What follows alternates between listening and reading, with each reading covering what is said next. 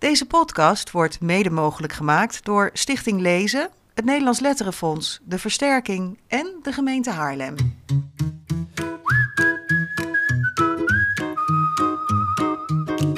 Welkom bij een speciale uitzending van de Grote Vriendelijke Podcast. Dit keer vanuit het Kinderboekenmuseum in Den Haag. Mijn naam is Jaap Frieso en ik bespreek kinderboeken op jaaplees.nl. En natuurlijk zit naast mij Bas Maliepaard, recensent jeugdliteratuur van Dagblad Trouw. We zijn in de zaal inmiddels in afwachting van de Annie M. G. lezing die schrijfster Marjolein Hof zometeen gaat uitspreken. En die we via onze podcast integraal aan je kunnen laten horen. Bas, deze Annie M. G. lezing die is nogal een begrip in de wereld van de jeugdliteratuur. Zeker wel, ja. Uh, die bestaat al twintig jaar en wordt georganiseerd door het Kinderboekenmuseum dus in samenwerking met IBI Nederland. En dat is dan weer de Nederlandse tak van het International Board on Books for Young People. Een organisatie die zich uh, in meer dan 65 landen inzet voor goede kinderboeken. Nou, elk jaar mag een bekende kinderboekenschrijver in deze Annie M. G. Schmid-lezing zijn visie geven op de staat van de jeugdliteratuur. Ja, dat waren er al heel wat, hè? Zeker. In, uh, in 2000 was Imme Dros aan de beurt als allereerste. Maar daarna volgden allerlei grote namen uit de jeugdliteratuur. We kunnen ze niet allemaal noemen, maar Bart Moejaert, Joke van Leeuwen, Paul Biegel, Sjoerd Kuiper, Ted van Lieshout en vorig jaar Anna Woltz. Ja. Nou ja, die lezingen die zijn heel verschillend, maar zetten meestal wel aan tot nadenken. En soms krijgt uh, zo'n verhaal ook nog een beetje een staartje. Ja, er zijn echt een paar legendarische lezingen bij. Hè? Tenminste, die van Sjoerd Kuiper in 2009 kan ik me herinneren. Die, die maakte echt heel veel los. Weet jij nog waarom dat was? Nou, omdat hij echt om zich heen schopte. Ja, uh, de gestrekt been was Ja, dat, was echt met gestrekt been, ja. En de uitgeverswereld uh, kreeg er flink van langs. Ja.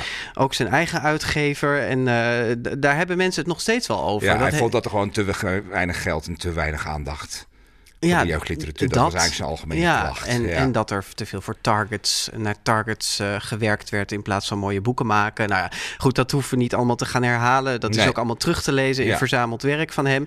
Maar dat was zo'n lezing die uh, enorm veel indruk heeft gemaakt. Um, maar bijvoorbeeld ook wel leuk om te vermelden is nog Edward van de Vendel in 2006. Uh, hij, deed, hij hield toen een pleidooi eigenlijk voor um, ja, dat schrijvers hun oor meer te luisteren zouden moeten leggen bij echte jongeren, hè, echte kinderen. En daar is toen de slashreeks uit voortgekomen. Ja, ja, die boeken die zijn gebaseerd op verhalen van ja. nou, echte verhalen. Schrijft van steeds een, een, schrijver samen met een, een jongere een levensverhaal. Een mooie serie die eigenlijk waar eigenlijk ook nooit officieel een punt achter is gezet volgens mij. Dus nee, uh, volgens mij zei hij zelfs in onze eindejaarsuitzending dat, er dat een nieuwe komt. Nou, dat, dat die niet afgerond is. Nee, daarom. Nee, dat zou leuk zijn. Nou, ja. Rindert Kromhout nog, die bood twee jaar geleden een petitie aan de Tweede Kamer aan. Uh, naar aanleiding van zijn lezing over het belang van kunst- en cultuuronderwijs in multicultureel Nederland. Nou ja, dit jaar is dus Marjolein Hof aan de beurt. En haar lezing heet Een noodzakelijk kwaad. Met een vraagteken erachter. Ik weet niet ja. hoe, hoe, ik die intonatie moet doen, maar een noodzakelijk kwaad. Ja. Ja, um, en voor de mensen die haar nog niet zo goed kennen. Ja, wat... zal ik haar even introduceren. Marjolein Hof was bijna 20 jaar jeugdbibliotheek jeugdbibliothecaris, moeilijk woord. En uh, debuteerde met De Bloem van de Buurt. Ook een moeilijk woord. Alles is een moeilijk woord geweest, ja. Na meerdere prenten en peuterboeken verscheen in 2006 haar eerste jeugdroman, Een Kleine Kans. En, en die werd meteen bedolven onder allerlei prijzen, onder andere Gouden Griffel. En daarna verschenen nog meer dat soort kinderboeken. Moeder nummer 0, die ging over adoptie. En De Regels van Drie, waarvoor ze in 2014 de Woutertje Pieterse prijs uh, kreeg. En vorig jaar verscheen Lepelsnijder. Dat was eigenlijk een heel ander soort boek dan we van haar gewend zijn. Meer een, een, nou ja, een avonturen roman. En ze kondigde in een interview in NRC aan dat daar nog een vervolg uh, op komt. Ja, want die, die andere boeken, dat zijn echt realistische kinderboeken. Ja, wat meer maatschappelijke thema's ja, uh, ja. eigenlijk. En dit was een heel ander, uh, ander verhaal. Ja. Nou, en in datzelfde interview in NRC Handelsblad van onze collega Mirjam Noorduin... zegt ze over deze lezing, een noodzakelijk kwaad... Ehm, dat dat eigenlijk bedoeld is als een pleidooi voor meer eigenzinnigheid in het kinderboekenvak. En ook een beetje als een pleidooi tegen de hokjesgeest nou, in de kinderboekenwereld. Niet, niet op tegen. Nee, nou ja, nee. goed, we moeten ja, haar verhaal nog gaan horen. Ja, ja. Um, zometeen komen er allerlei mensen uit het kinderboekenvak hier binnengestroomd. Uh, een link naar dat interview uh, uit NRC Handelsblad is te vinden op de grotevriendelijkepodcast.nl. Nou ja, laten we maar gaan luisteren gaan naar Marjolein Hof.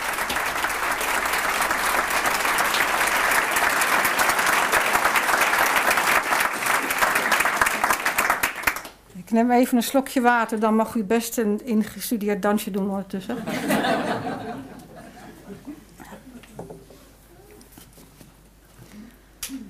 Beste vakgenoten, beste boekenmensen en geïnteresseerden in de jeugdliteratuur. Misschien was u vroeger zo'n kind dat s'avonds in bed aan sterren en planeten dacht. Misschien liet u zich meevoeren door de onzagwekkende grootheid van het heelal. Probeerde u te vergeefs te begrijpen hoe iets oneindig kan zijn. Ik heb toen ik een jaar of acht was ongetwijfeld net als u aan het heelal gedacht, aan de zon en de maan, aan sterren en planeten en de niet te bevatten oneindigheid. Maar ik herinner me vooral een ander duizelingwekkend spelletje. Ik deed aan achterwaarts denken. Het begon bijvoorbeeld zo. Ik aaide over mijn wollen deken. Die was blauwgrijs gestreept en kwam uit de AB dekenfabriek. Die dekenfabriek had iets te maken met een rendier, want dat was op het etiket aan het voeteneinde geborduurd. Het rendier trok een slee, dus iemand had het gevangen en dat moest dan het mannetje zijn dat achter het rendier stond. En dat mannetje woonde in een tent en die tent die had een stok en die stok was een tak aan een boom geweest en die boom enzovoorts. Ik had ook een afslag kunnen nemen bij het gras dat het rendier at. Of was het mos? Maar het groeide in ieder geval en dat kwam omdat het regende. En het regende omdat er een wolk langs dreef. En die wolk kwam van over de zee en de zee enzovoorts. In feite kon ieder element in een reeks zich weer vertakken in een oneindig aantal nieuwe reeksen. Net zo onzagwekkend en misschien wel net zo beangstigend als het heelal. Want niets, maar dan ook niets, kon op zichzelf bestaan. En voordat je dit wist, verdwaalde je in de veelheid die achter ieder voorwerp en iedere gebeurtenis schuilging. Zo kan ik terugdenken vanaf dit moment, het begin van deze lezing. Dan kom ik al snel uit bij u, want zonder u zou deze lezing er niet zijn, althans niet op deze manier. En u bent misschien met de trein gekomen en in die trein zat een machinist en die machinist enzovoort. Of ik denk terug via het Literatuurmuseum, IBI Nederland, Stichting Lezen en het Nederlands Letterenfonds. Zonder deze organisaties zou de Annie M. G. Schmid-lezing niet meer bestaan. En ieder voor zich zijn ze goed voor een echt eindeloze hoeveelheid achterwaartse associaties. Ik kan ook bij mezelf beginnen. Zonder mij zou u niet naar deze lezing luisteren, maar naar een andere. En als ik vanuit mezelf terugdenk en alle zijpaden negeer en me niet te veel laat afleiden door de oneindige mogelijkheden van zo'n beetje alles, dan kom ik na een tijdje bij mijn kamertje boven in ons huis in de Van Wede van Dijkveldstraat in Den Haag. Waar ik in mijn bed lag, onder de blauw-grijs gestreepte deken en aan het rendier dacht en het mannetje en de tent. Dan kom ik uit bij de tijd waarin mijn schrijverschap wortelt. En onherroepelijk kom ik dan via deze omweg uit bij Annie M.G. Schmid. Want op mijn bed, of de vloer, of het kleine tafeltje tegen de muur, in ieder geval, ergens binnen handbereik, lag de ark. De verhalen- en gedichtenbundel die Annie samenstelde. In het voorwoord beschrijft ze hoe ze als twaalfjarige haar leeshonger probeerde te stillen met boeken die in haar vaders studeerkamer stonden. Snakkend naar iets zonnigs tussen al het doffe gebladerte der theologie, schrijft ze. En alles wat maar enigszins een vertelsel in zich droeg, las ik. En de ellenlange vertogen, beschouwingen en beschrijvingen at ik dan maar mee op. Zoals een hongerige kat desnoods karton vreet, als er maar een kabeljauwluchtje aan zit.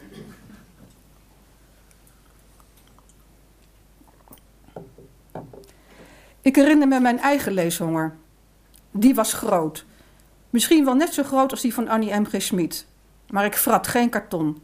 Er was kabeljauw in overvloed. En wijting en sprot, zoveel ik maar wilde. Ik groeide op in een leesparadijs. Op dat kamertje met de blauw-grijs gestreepte deken hing een tomado-rekje boven de verwarming met de drie planken voor mijn boekenverzameling. Ik las over meester van Zoete, die zijn voeten in het aquarium waste, over Repelsteeltje, over kleine Shang die in China zijn broertje omruilde voor een andere baby, over Yuti in het oude Egypte en over Lassie, de hond die zo trouw was dat de tranen je in de ogen sprongen. En wat er op die planken stond, was slechts een kleine voorhoede. De rest van de boeken stond beneden, twee trappen af. Op weg naar beneden kwam ik schilderijen tegen. En prenten en foto's en maskers en beelden uit Afrika en Oceanië. In de woonkamer stonden omringd door houtsnijwerk en spleetrommen de boekenkasten met fotoboeken, romans, gedichtenbundels, kinderboeken en een flinke hoeveelheid prentenboeken die mijn vader had gekocht. Voor zichzelf. Ze hoorden bij de kunst, kwamen het huis binnen omdat hij ze verzamelde. Ik leerde grenzeloos lezen, voelde me nooit te oud voor een boek. En zo las ik eindeloos vaak in Koekoe met de groene duimen, geschreven door Maurice Druon en vertaald door Adriaan Morien. Een verhaal met een zeer aanwezige auctoriale verteller en een merkwaardige, iets wat moralistische vorm van humor. En al wist ik toen niet wat dat was, ik voelde voor het eerst hoe taal een boek kleur kon geven. Als wij alleen maar op de aarde zijn om op een goede dag ook een groot mens te worden, schrijft Drion, dan krijgen wij gemakkelijk een hoofd vol opvattingen. Vooral omdat ons hoofd hoe langer hoe groter wordt. Die opvattingen zijn al heel oud en je vindt ze in boeken. Wanneer je dus je best doet om te leren lezen, of wanneer je aandachtig naar mensen luistert die veel gelezen hebben, dan duurt het niet lang of je wordt zelf ook een groot mens, net als alle andere grote mensen. Er bestaan opvattingen over alles wat je maar bedenken kunt. Dat is erg handig en praktisch, want dan kun je telkens een andere opvatting kiezen. Soms verslikte ik me in een tekst, maar dat vond ik niet erg. Ik pakte uit de kasten waar ik nieuwsgierig naar was, zette boeken terug als het verhaal me te moeilijk leek en probeerde het later nog eens. Of ik bleef een poosje door het land van de onbekende woorden dwalen. Niets was zo prachtig of huiveringwekkend als een half begrepen zin die ik met mijn eigen fantasie moest invullen. En wat ik leerde, was dat ik zelf wel merkte of ik ergens aan toe was of niet. Dat mijn vader ook kinderboeken las, vond ik volstrekt normaal. Jeugdliteratuur had niet alleen een vanzelfsprekende plek in zijn literatuurverzameling, het ging nog verder. In zijn kunstzinnige en tamelijk hedonistische bestaan kon een mooi uitgegeven kinderboek net zo opwindend zijn als een grammofoonplaat van Charlie Parker, een goede fles wijn of een ingelijste prent. Het was geen gelukkig gezin waar ik in opgroeide. De problemen waren complex, er waren barsten en breuken en als kind kon je beter niet te veel opvallen. Je wist eigenlijk nooit wanneer je er mocht zijn en wanneer niet. Ik was een schuchter, een beetje wereldvreemd meisje. Ik wilde graag bij de anderen horen, maar ik wist nooit goed hoe ik dat voor elkaar moest krijgen. Ik zat vaak in mijn eentje te lezen en te tekenen, te schrijven en te prutsen. Boeken en verhalen waren belangrijk. Een boek vasthouden, en begrijpt u goed, ik bedoel dit niet sentimenteel. Een boek vasthouden was alsof ik iemands hand vasthield. Werkelijk, alsof ik werd meegenomen naar een andere wereld. Een mensenwereld, dierenwereld, sprookjeswereld, verhalenwereld. Ik las en was vertrokken. Ik geloof niet dat het escapisme was. Integendeel. Boeken gaven me de mogelijkheid om volop in de wereld te zijn, mee te leven met andere mensen. Sterker nog, in het hoofd te kruipen van andere mensen en door hun ogen de wereld te zien. Mee te reizen naar andere landen, andere tijden, zonder één stap te verzetten. Boeken waren voertuigen, tijdmachines. Ik kon ze openslaan wanneer ik maar wilde en dichtklappen wanneer ik maar wilde. Ik kon me haasten of honderd keer bovenaan dezelfde bladzijde beginnen. Boeken konden kietelen, opruien, moed geven, troosten of me laten huiveren, zonder dat ik het duidelijk kon benoemen. Ik hoefde het niet te benoemen, ik las. In dit vrije, grenzeloze lezen ligt de kiem van mijn schrijverschap. De manier waarop er tegen kinderboeken werd aangekeken heeft gemaakt dat ik ze wilde schrijven. Het waren de illustraties van John Burningham die me warm maakten voor het maken van kinderboeken. Het waren de woorden van Astrid Lindgren en Miep Diekman. Het was de ark van Annie. Het was de taal in Koekoe met de groene duimen. Het was de troost die een boek kon bieden en het avontuur en de vanzelfsprekendheid waarmee dit alles aanwezig was. Boeken en kunst waren onderdeel van een geruststellende gemeenschappelijke ruimte waarin ik mocht bestaan.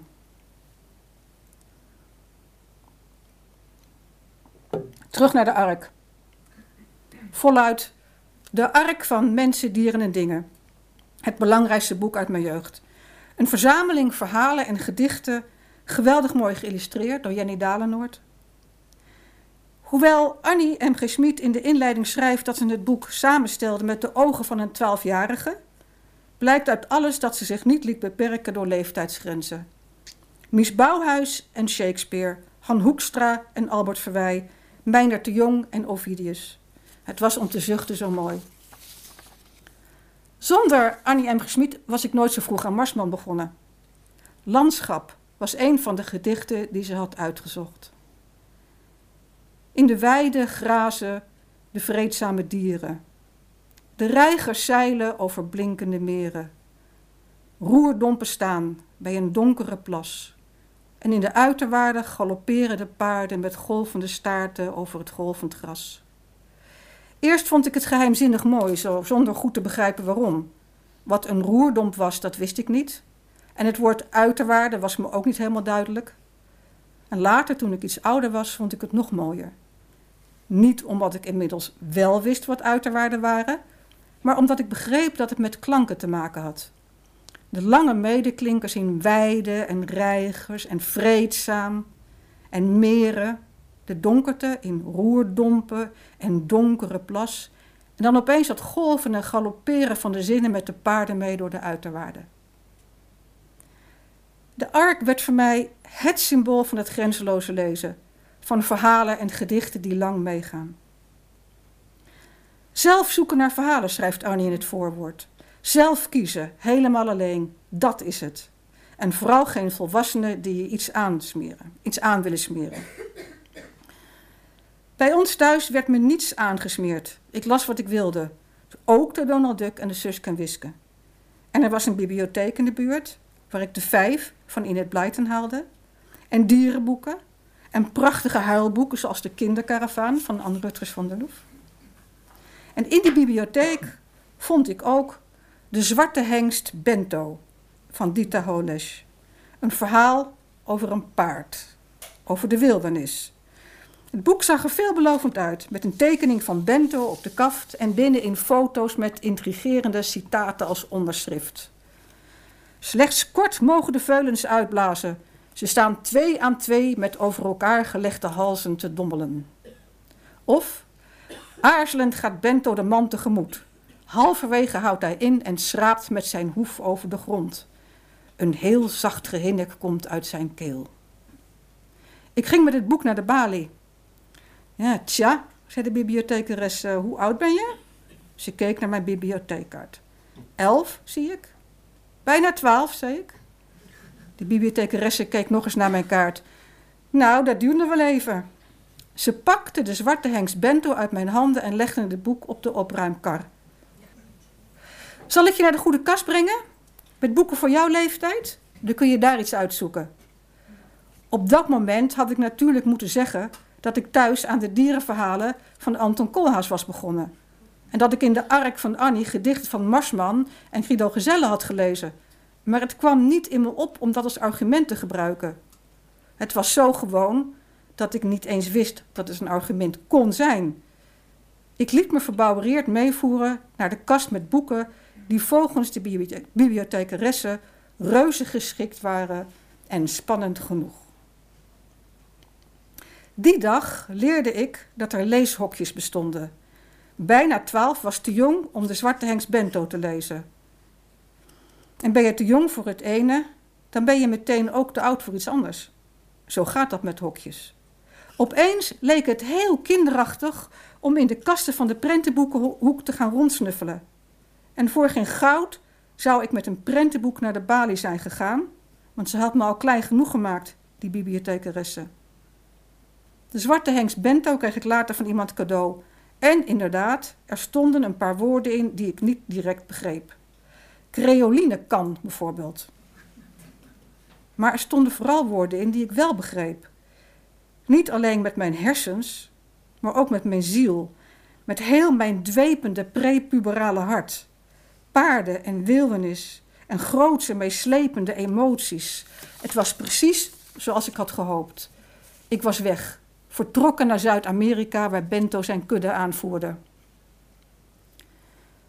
In de jaren tachtig kreeg ik een aanstelling bij de bibliotheekorganisatie in de Zaanstreek. Ik werd dus zelf een bibliothecaresse. Specialiseerde me in jeugdliteratuur. En ik nam me voor om nooit, maar dan ook nooit, een lezer te dwarsbomen.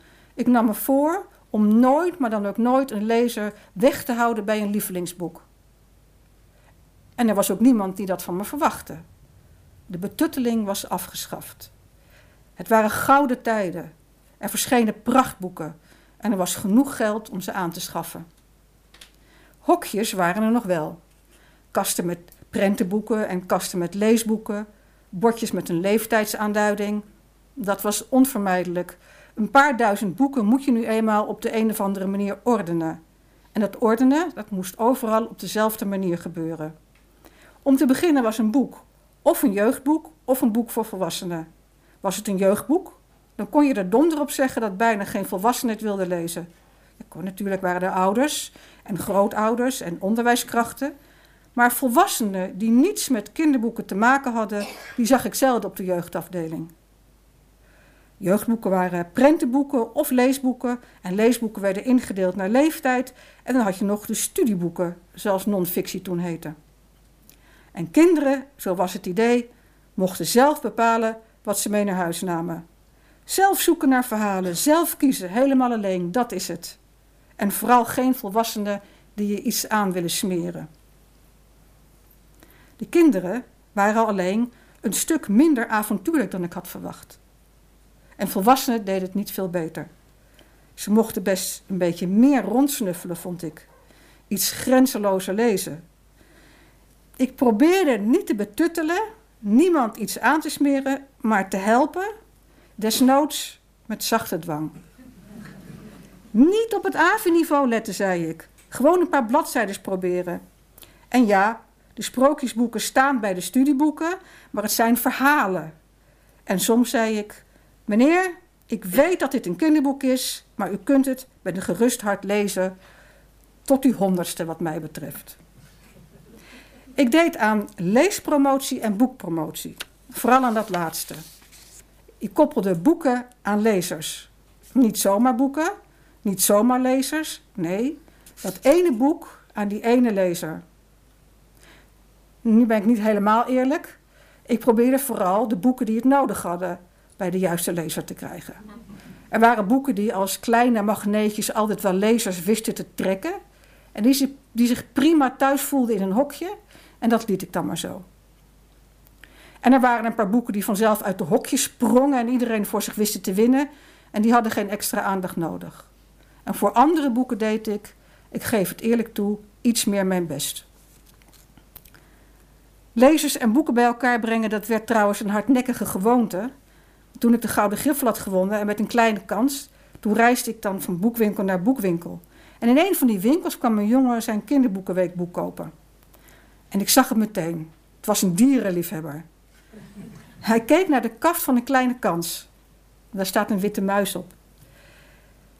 Ik zag hem aarzelen. En ik drukte een Bibi's bijzondere beestenboek in zijn handen. Dit moet je lezen, zei ik. Een ongesigneerde Dumontac, wist ik, was in dit geval beter dan een gesigneerde hof waarin wordt nagedacht over het vermoorden van honden en muizen.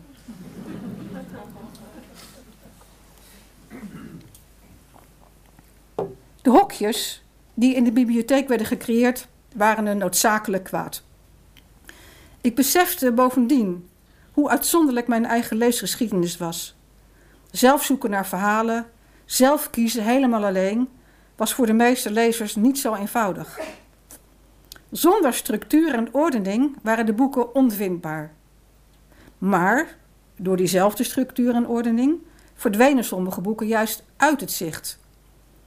Ik herinner me Een huis met zeven kamers, het boek van Joke van Leeuwen dat in 1979 verscheen.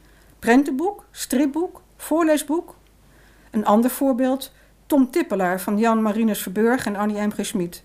Een boek dat in 1977 werd gepubliceerd en te weinig werd uitgeleend omdat het altijd in het verkeerde hokje stond, waar je het ook plaatste. Prentenboek, leesboek, jeugdboek, boek voor volwassenen, sprookjesboek.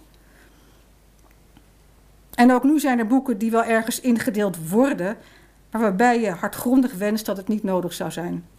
Denk bijvoorbeeld aan het werk van Ted van Lieshout, Bart Moejaert, Bibi Dumontac, Edward van de Vendel, Benny Lindelauf.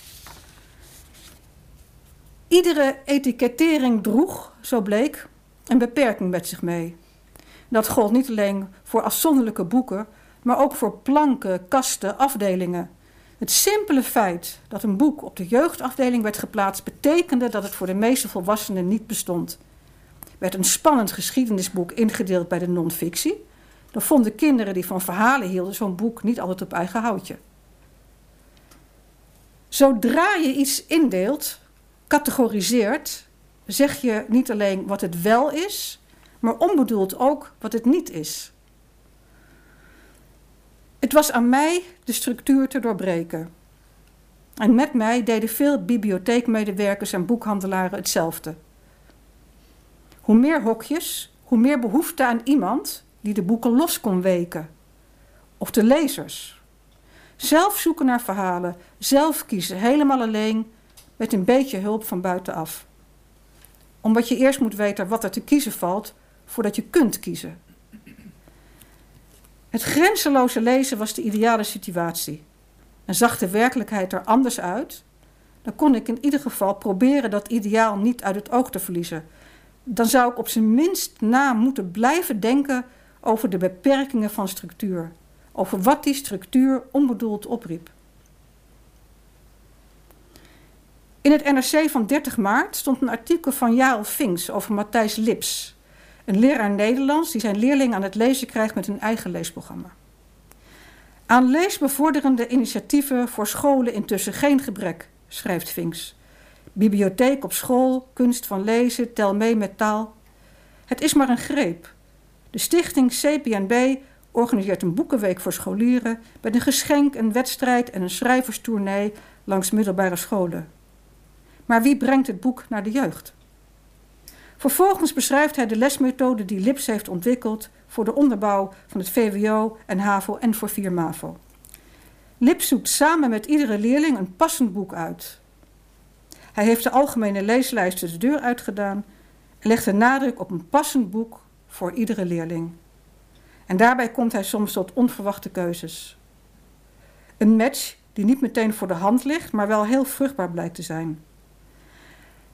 Het gaat erom dat de leraar de leerling ziet, zegt hij. En dat de leerling weet dat hij gezien wordt. Dit lijkt in tegenspraak met het zelfkiezen van Annie M. G. Maar er is hier geen sprake van een volwassene die een leerling iets wil aansmeren, maar van een leraar die probeert te laten zien dat er iets te kiezen valt. Ook buiten de kaders. Dat er altijd een boek is dat bij je past. Lips is een leraar die de leerling ziet. Een losweker die boeken uit hokjes kan bevrijden. En deed Annie M. G. Schmid niet hetzelfde via haar ark? Ze week de verhalen los uit de wereldliteratuur. Ze tilde ze uit hun hokjes en bracht ze bij elkaar. En steeds opnieuw vond ik in de ark een lievelingsverhaal of een lievelingsgedicht dat speciaal voor mij geschreven leek. In de klas van Matthijs Lips laat de, kinderen zien, laat de leerlingen zien wat ze van het boek vonden. Lips zegt: Het boek heeft de leerling nieuwe woorden gegeven, een vers inzicht of een fijne tijd, en nu doet de leerling iets terug. En dat iets kan bijvoorbeeld een filmpje zijn, een gedicht, een fotoserie of een object. Bij het online artikel op de website van de NRC is een filmpje geplaatst waarin een meisje scènes uit Lang zal ze leven van Koos Meinderts naspeelt. Boeken aan lezers koppelen. Dat is dus precies wat ik in mijn tijd als bibliothecaresse deed. Waar ik mijn best voor deed. Als tegenwicht voor de sturende bibliotheekindeling. Niet het aanspreken van een grote doelgroep, maar het aanspreken van individuen. Dat ene boek voor die ene lezer. Als je die aandacht wil geven, heb je een budget, tijd en voldoende personeel nodig. En daar begon het te knellen. De tijden waren veranderd. Ontlezing was het doemwoord. En in het kielzog van de ontlezing werd daar, hoe contraproductief wil je het hebben, bezuinigd op het bibliotheekwerk. In mijn begintijd werkte er op iedere vestiging een bibliothecaris en op de meeste vestigingen een jeugdbibliothecaris. Toen ik ontslag nam waren dat al een paar minder.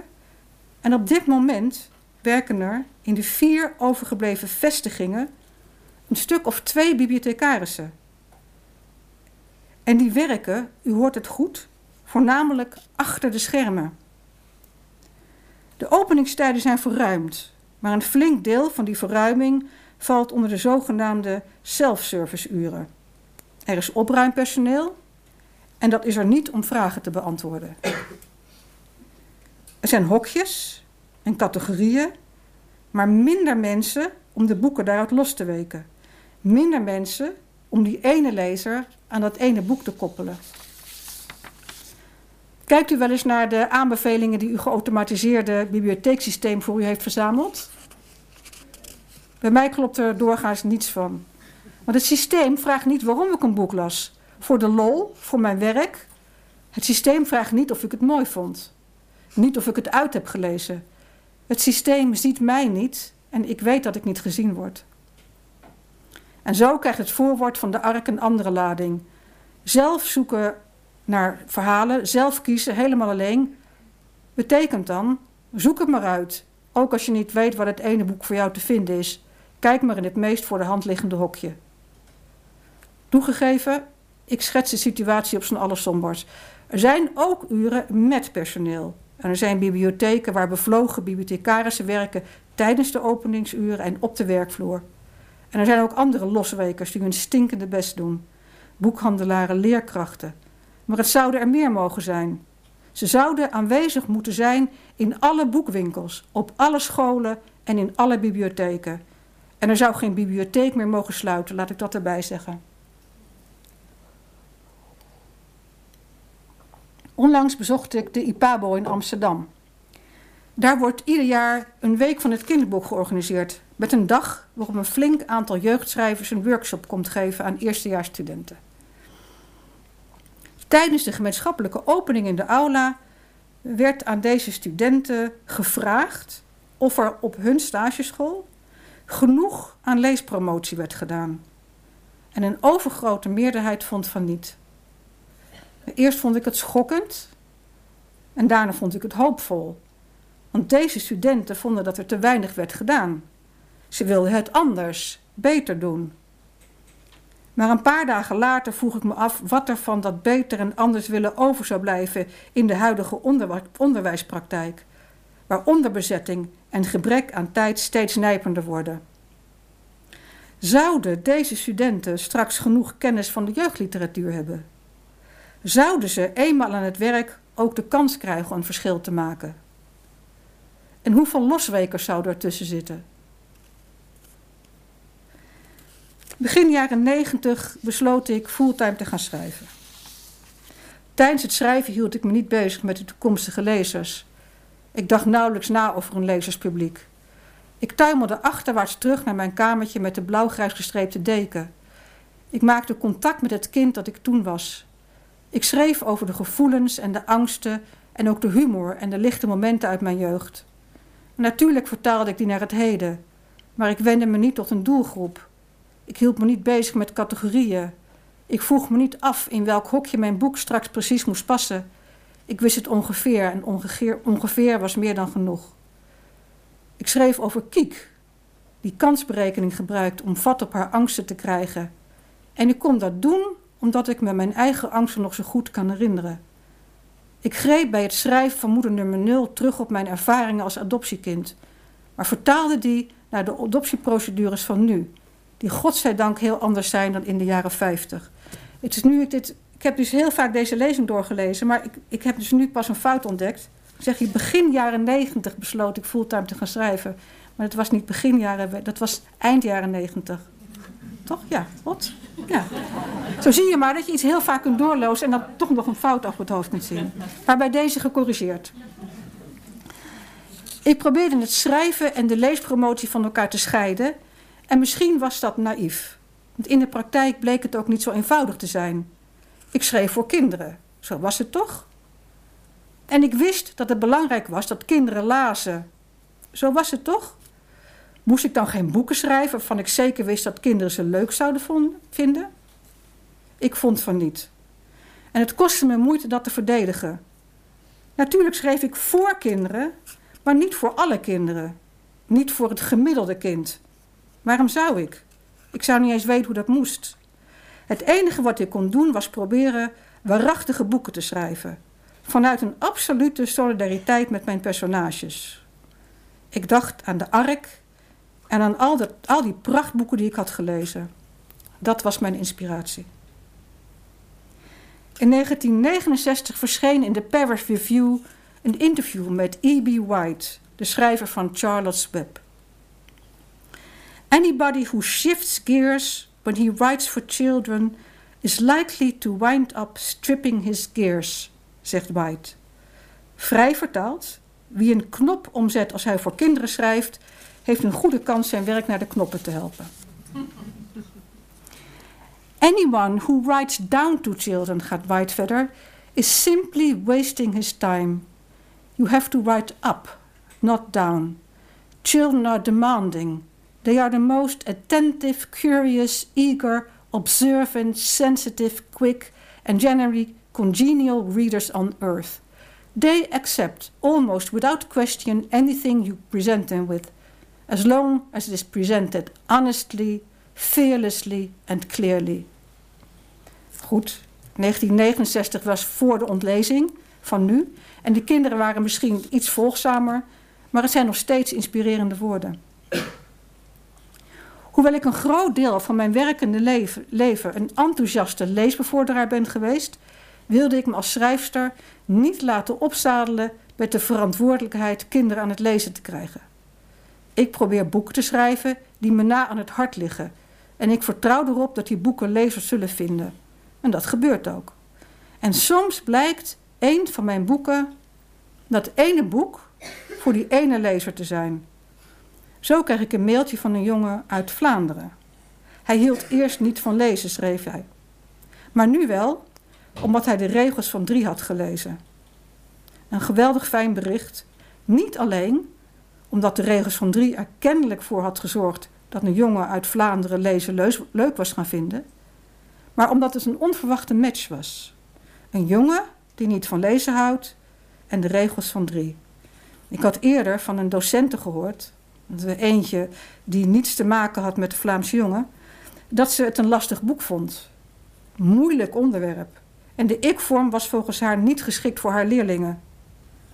Maar het was geen boek voor haar, bedoelde ze. En van de weeromstuit vond ze het geen boek voor alle leerlingen die ze kende. De jongen uit Vlaanderen liet me zien dat het echt bestond. Dat ene boek voor die ene lezer. En ik was blij dat het mijn boek was. En tegelijkertijd wist ik dat het kwam omdat ik juist niet had geprobeerd zo'n boek te schrijven. Misschien gaat het zoals met de liefde. Probeer je haar te vinden, dan lukt het niet omdat je te veel je best doet en jezelf verliest.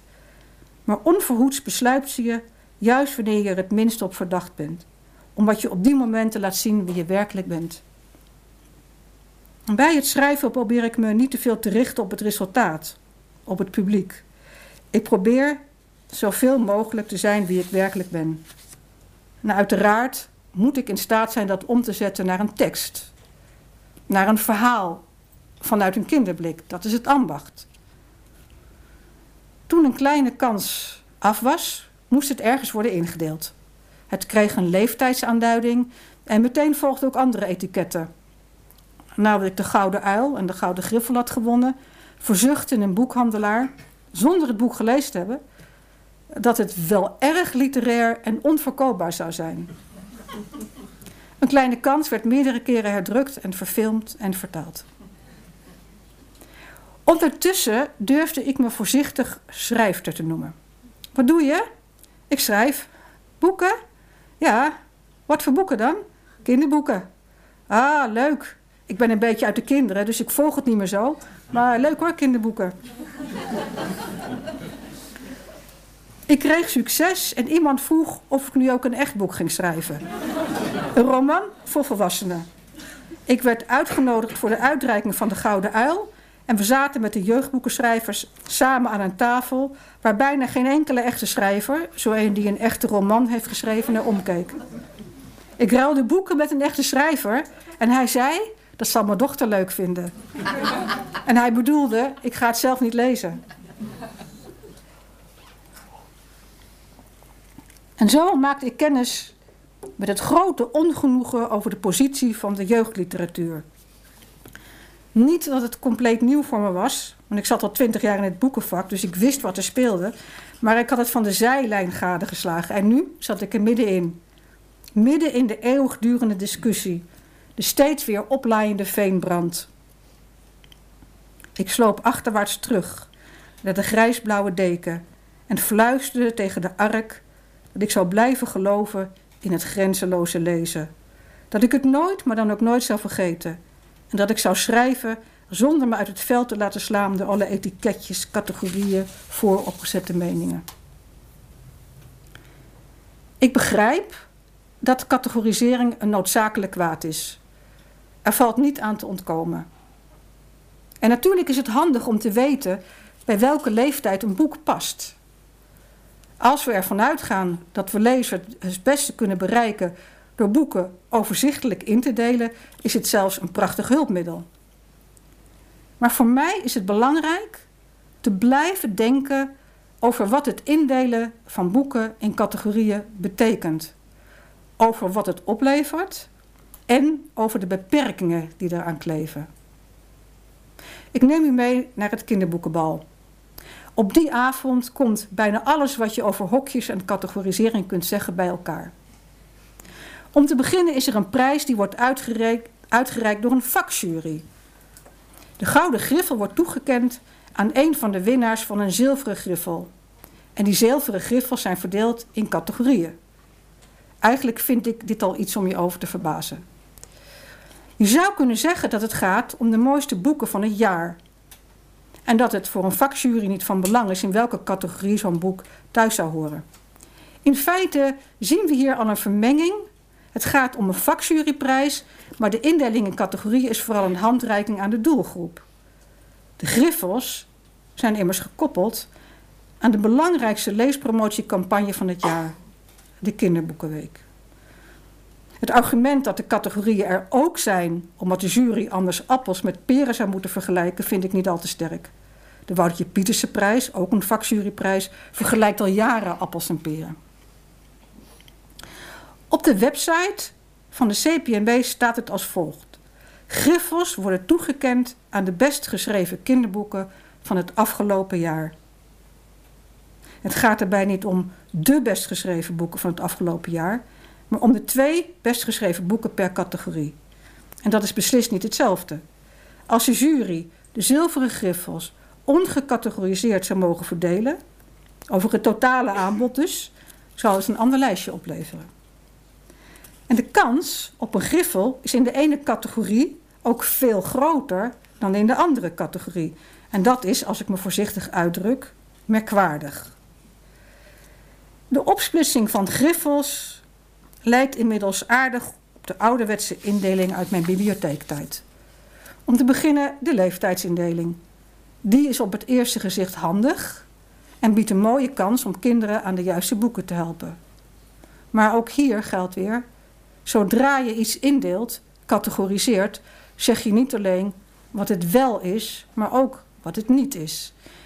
In 2018 werden in de categorie zes jaar en ouder twee boeken bekroond. Toen ik van Joke van Leeuwen en Het Gelukkige Eiland van Marit Turnquist. Bij uitstek titels die ik liever niet aan een bepaalde leeftijdsgroep zou willen koppelen. En ja, ik weet dat er en ouder staat, maar dat poetst het effect van zo'n lijst met categorieën niet weg. Het etiket is al geplakt. En dit jaar is er een leeftijdscategorie toegevoegd, die van boeken voor kinderen van 12 tot 15 jaar. Op de website van de CPNB wordt het als volgt gemotiveerd. Omdat de ontlezing zo groot is bij deze doelgroep, ziet Stichting CPNB deze prijs als een extra stimulans om deze doelgroep aan te spreken. Dus ook hier weer de vermenging van leespromotie en literaire bekroning. Zouden bekroningen van een vakjury niet gebaseerd moeten zijn op de veel bredere kwaliteit van boeken, of misschien zou je moeten zeggen veel diepere kwaliteit van boeken? Juist een vakjury zou het denken in categorieën los moeten laten, zou het grenzeloze lezen voorop moeten stellen. Het door elkaar husselen van leesbevordering en bekroning van literaire kwaliteit is op zijn minst iets om kritisch over na te blijven denken. Naast de leeftijdscategorieën zijn er inhoudscategorieën. Poëzie is er zo één. Ik weet dat er juist heel veel enthousiasme is voor een dergelijke deelcategorie, omdat je zo meer aandacht kunt genereren voor een genre dat extra aandacht kan gebruiken. Maar je creëert daarmee ook een vreemd soort devaluatie. Zou een poëziebundel zonder een dergelijke categorie soms geen kans maken op een prijs? En hetzelfde geldt voor de non-fictie. Met als merkwaardig bijverschijnsel dat boeken die misschien het meest baat zouden kunnen hebben van een leeftijdsindeling, op grond van een vrij ruime gemeenschappelijkheid worden gecategoriseerd. Dat ze informatief zijn. En bovendien zijn er veel informatieve boeken die ook verhalend zijn. Neem bijvoorbeeld De Reis van Syntax Bosselman van Arend van Dam, dat dit jaar genomineerd werd voor de Woutertje Pietersenprijs. Of stem op, stem op de Okapi van Edward van de Vendel. Dat boek is een beetje alles tegelijk. Non-fictie, gedichtenbundel en prentenboek. Wie wel eens op het kinderboekenbal geweest is, weet dat het programma nogal divers is. Dat is een understatement. Er is aandacht voor het kinderboekenweekgeschenk en voor het kinderboekenweek prentenboek. En na het bekroningsmoment de uitreiking van de Gouden Griffel, een van de belangrijkste kinderboekenprijs van Nederland, gaat het los. Tijd voor een uitbundig feestprogramma. Dat is ook een understatement. De dans- en zingact van Kinderen voor Kinderen is dé hoofdattractie van de avond. Ik heb wel eens kinderen onder mijn hoede gehad die de uitreiking van de Gouden Griffel als het voorprogramma zagen.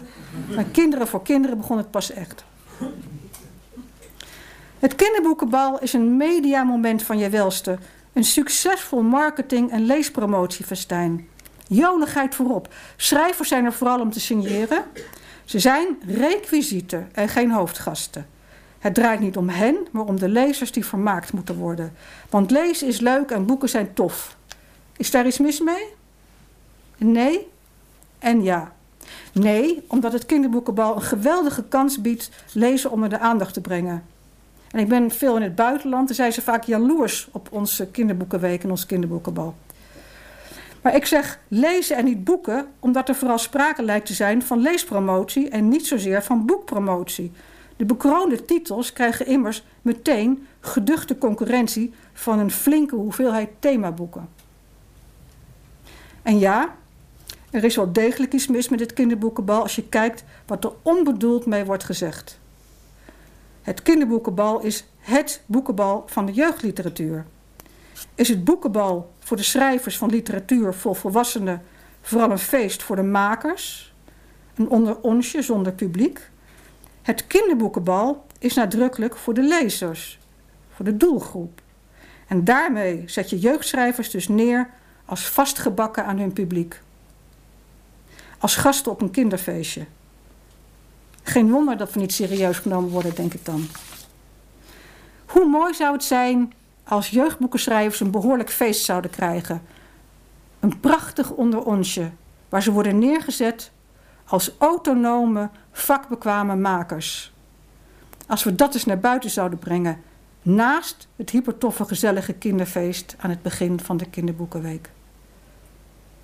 De midzomer kinderboekenboren was geen oplossing naar mijn mening. Het was eigenlijk vooral een ongemakkelijke middag waar je te horen kreeg wie er iets gewonnen had en wie niet. En ook daar kleefde, ben ik bang, iets kinderachtigs aan. En het CPNB denkt na over een andere aanpak, heb ik begrepen. En dat is heel mooi en hoopvol. maar ik heb daar nog geen verdere informatie over kunnen vinden. Goed, als de leespromotie voorop staat en er steeds meer categorieën komen die een bepaalde doelgroep moeten bereiken of een bepaald genre meer aandacht moeten geven, zullen we ook meer loswekers nodig hebben. Leerkrachten, bibliothecarissen, boekhandelaren die dat ene boek aan die ene lezer kunnen koppelen. Zonder kinderen of volwassenen iets aan te smeren. Die boeken uit hun hokjes kunnen tillen en als aanvulling op de leespromotie voor grote groepen het grenzeloze lezen voor individuen kunnen stimuleren. En dat leespromotie nodig is, lijkt me duidelijk. En dat het gedaan wordt met de beste bedoelingen, dat neem ik zonder meer aan. Toch zullen we ons bewust moeten zijn van wat we onbedoeld naar buiten brengen als we ons zo duidelijk op leespromotie voor doelgroepen richten. Dat we soms tegen de essentie van literatuur ingaan, die van de grenzeloosheid van boeken zelf. Dat we voorbij gaan aan de gelaagdheid en de meerstemmigheid als we te veel nadruk leggen op leeftijds- en inhoudscategorieën. En al is er te weinig tijd, te weinig geld, te weinig ruimte en te weinig wat dan ook, ik blijf tegen de klippen op geloven in het grenzeloze lezen. Ik blijf geloven in de loswekers, de uit de hokje, hokjestillers, die individuele lezers zien en lezers het gevoel geven dat ze gezien worden. Laten we zuinig zijn op onze loswekers. En laten we hopen dat het er meer worden, veel meer in plaats van minder. En kus, voor zover u dat nog niet heeft gedaan, de losweker in uzelf wakker. Dank u wel.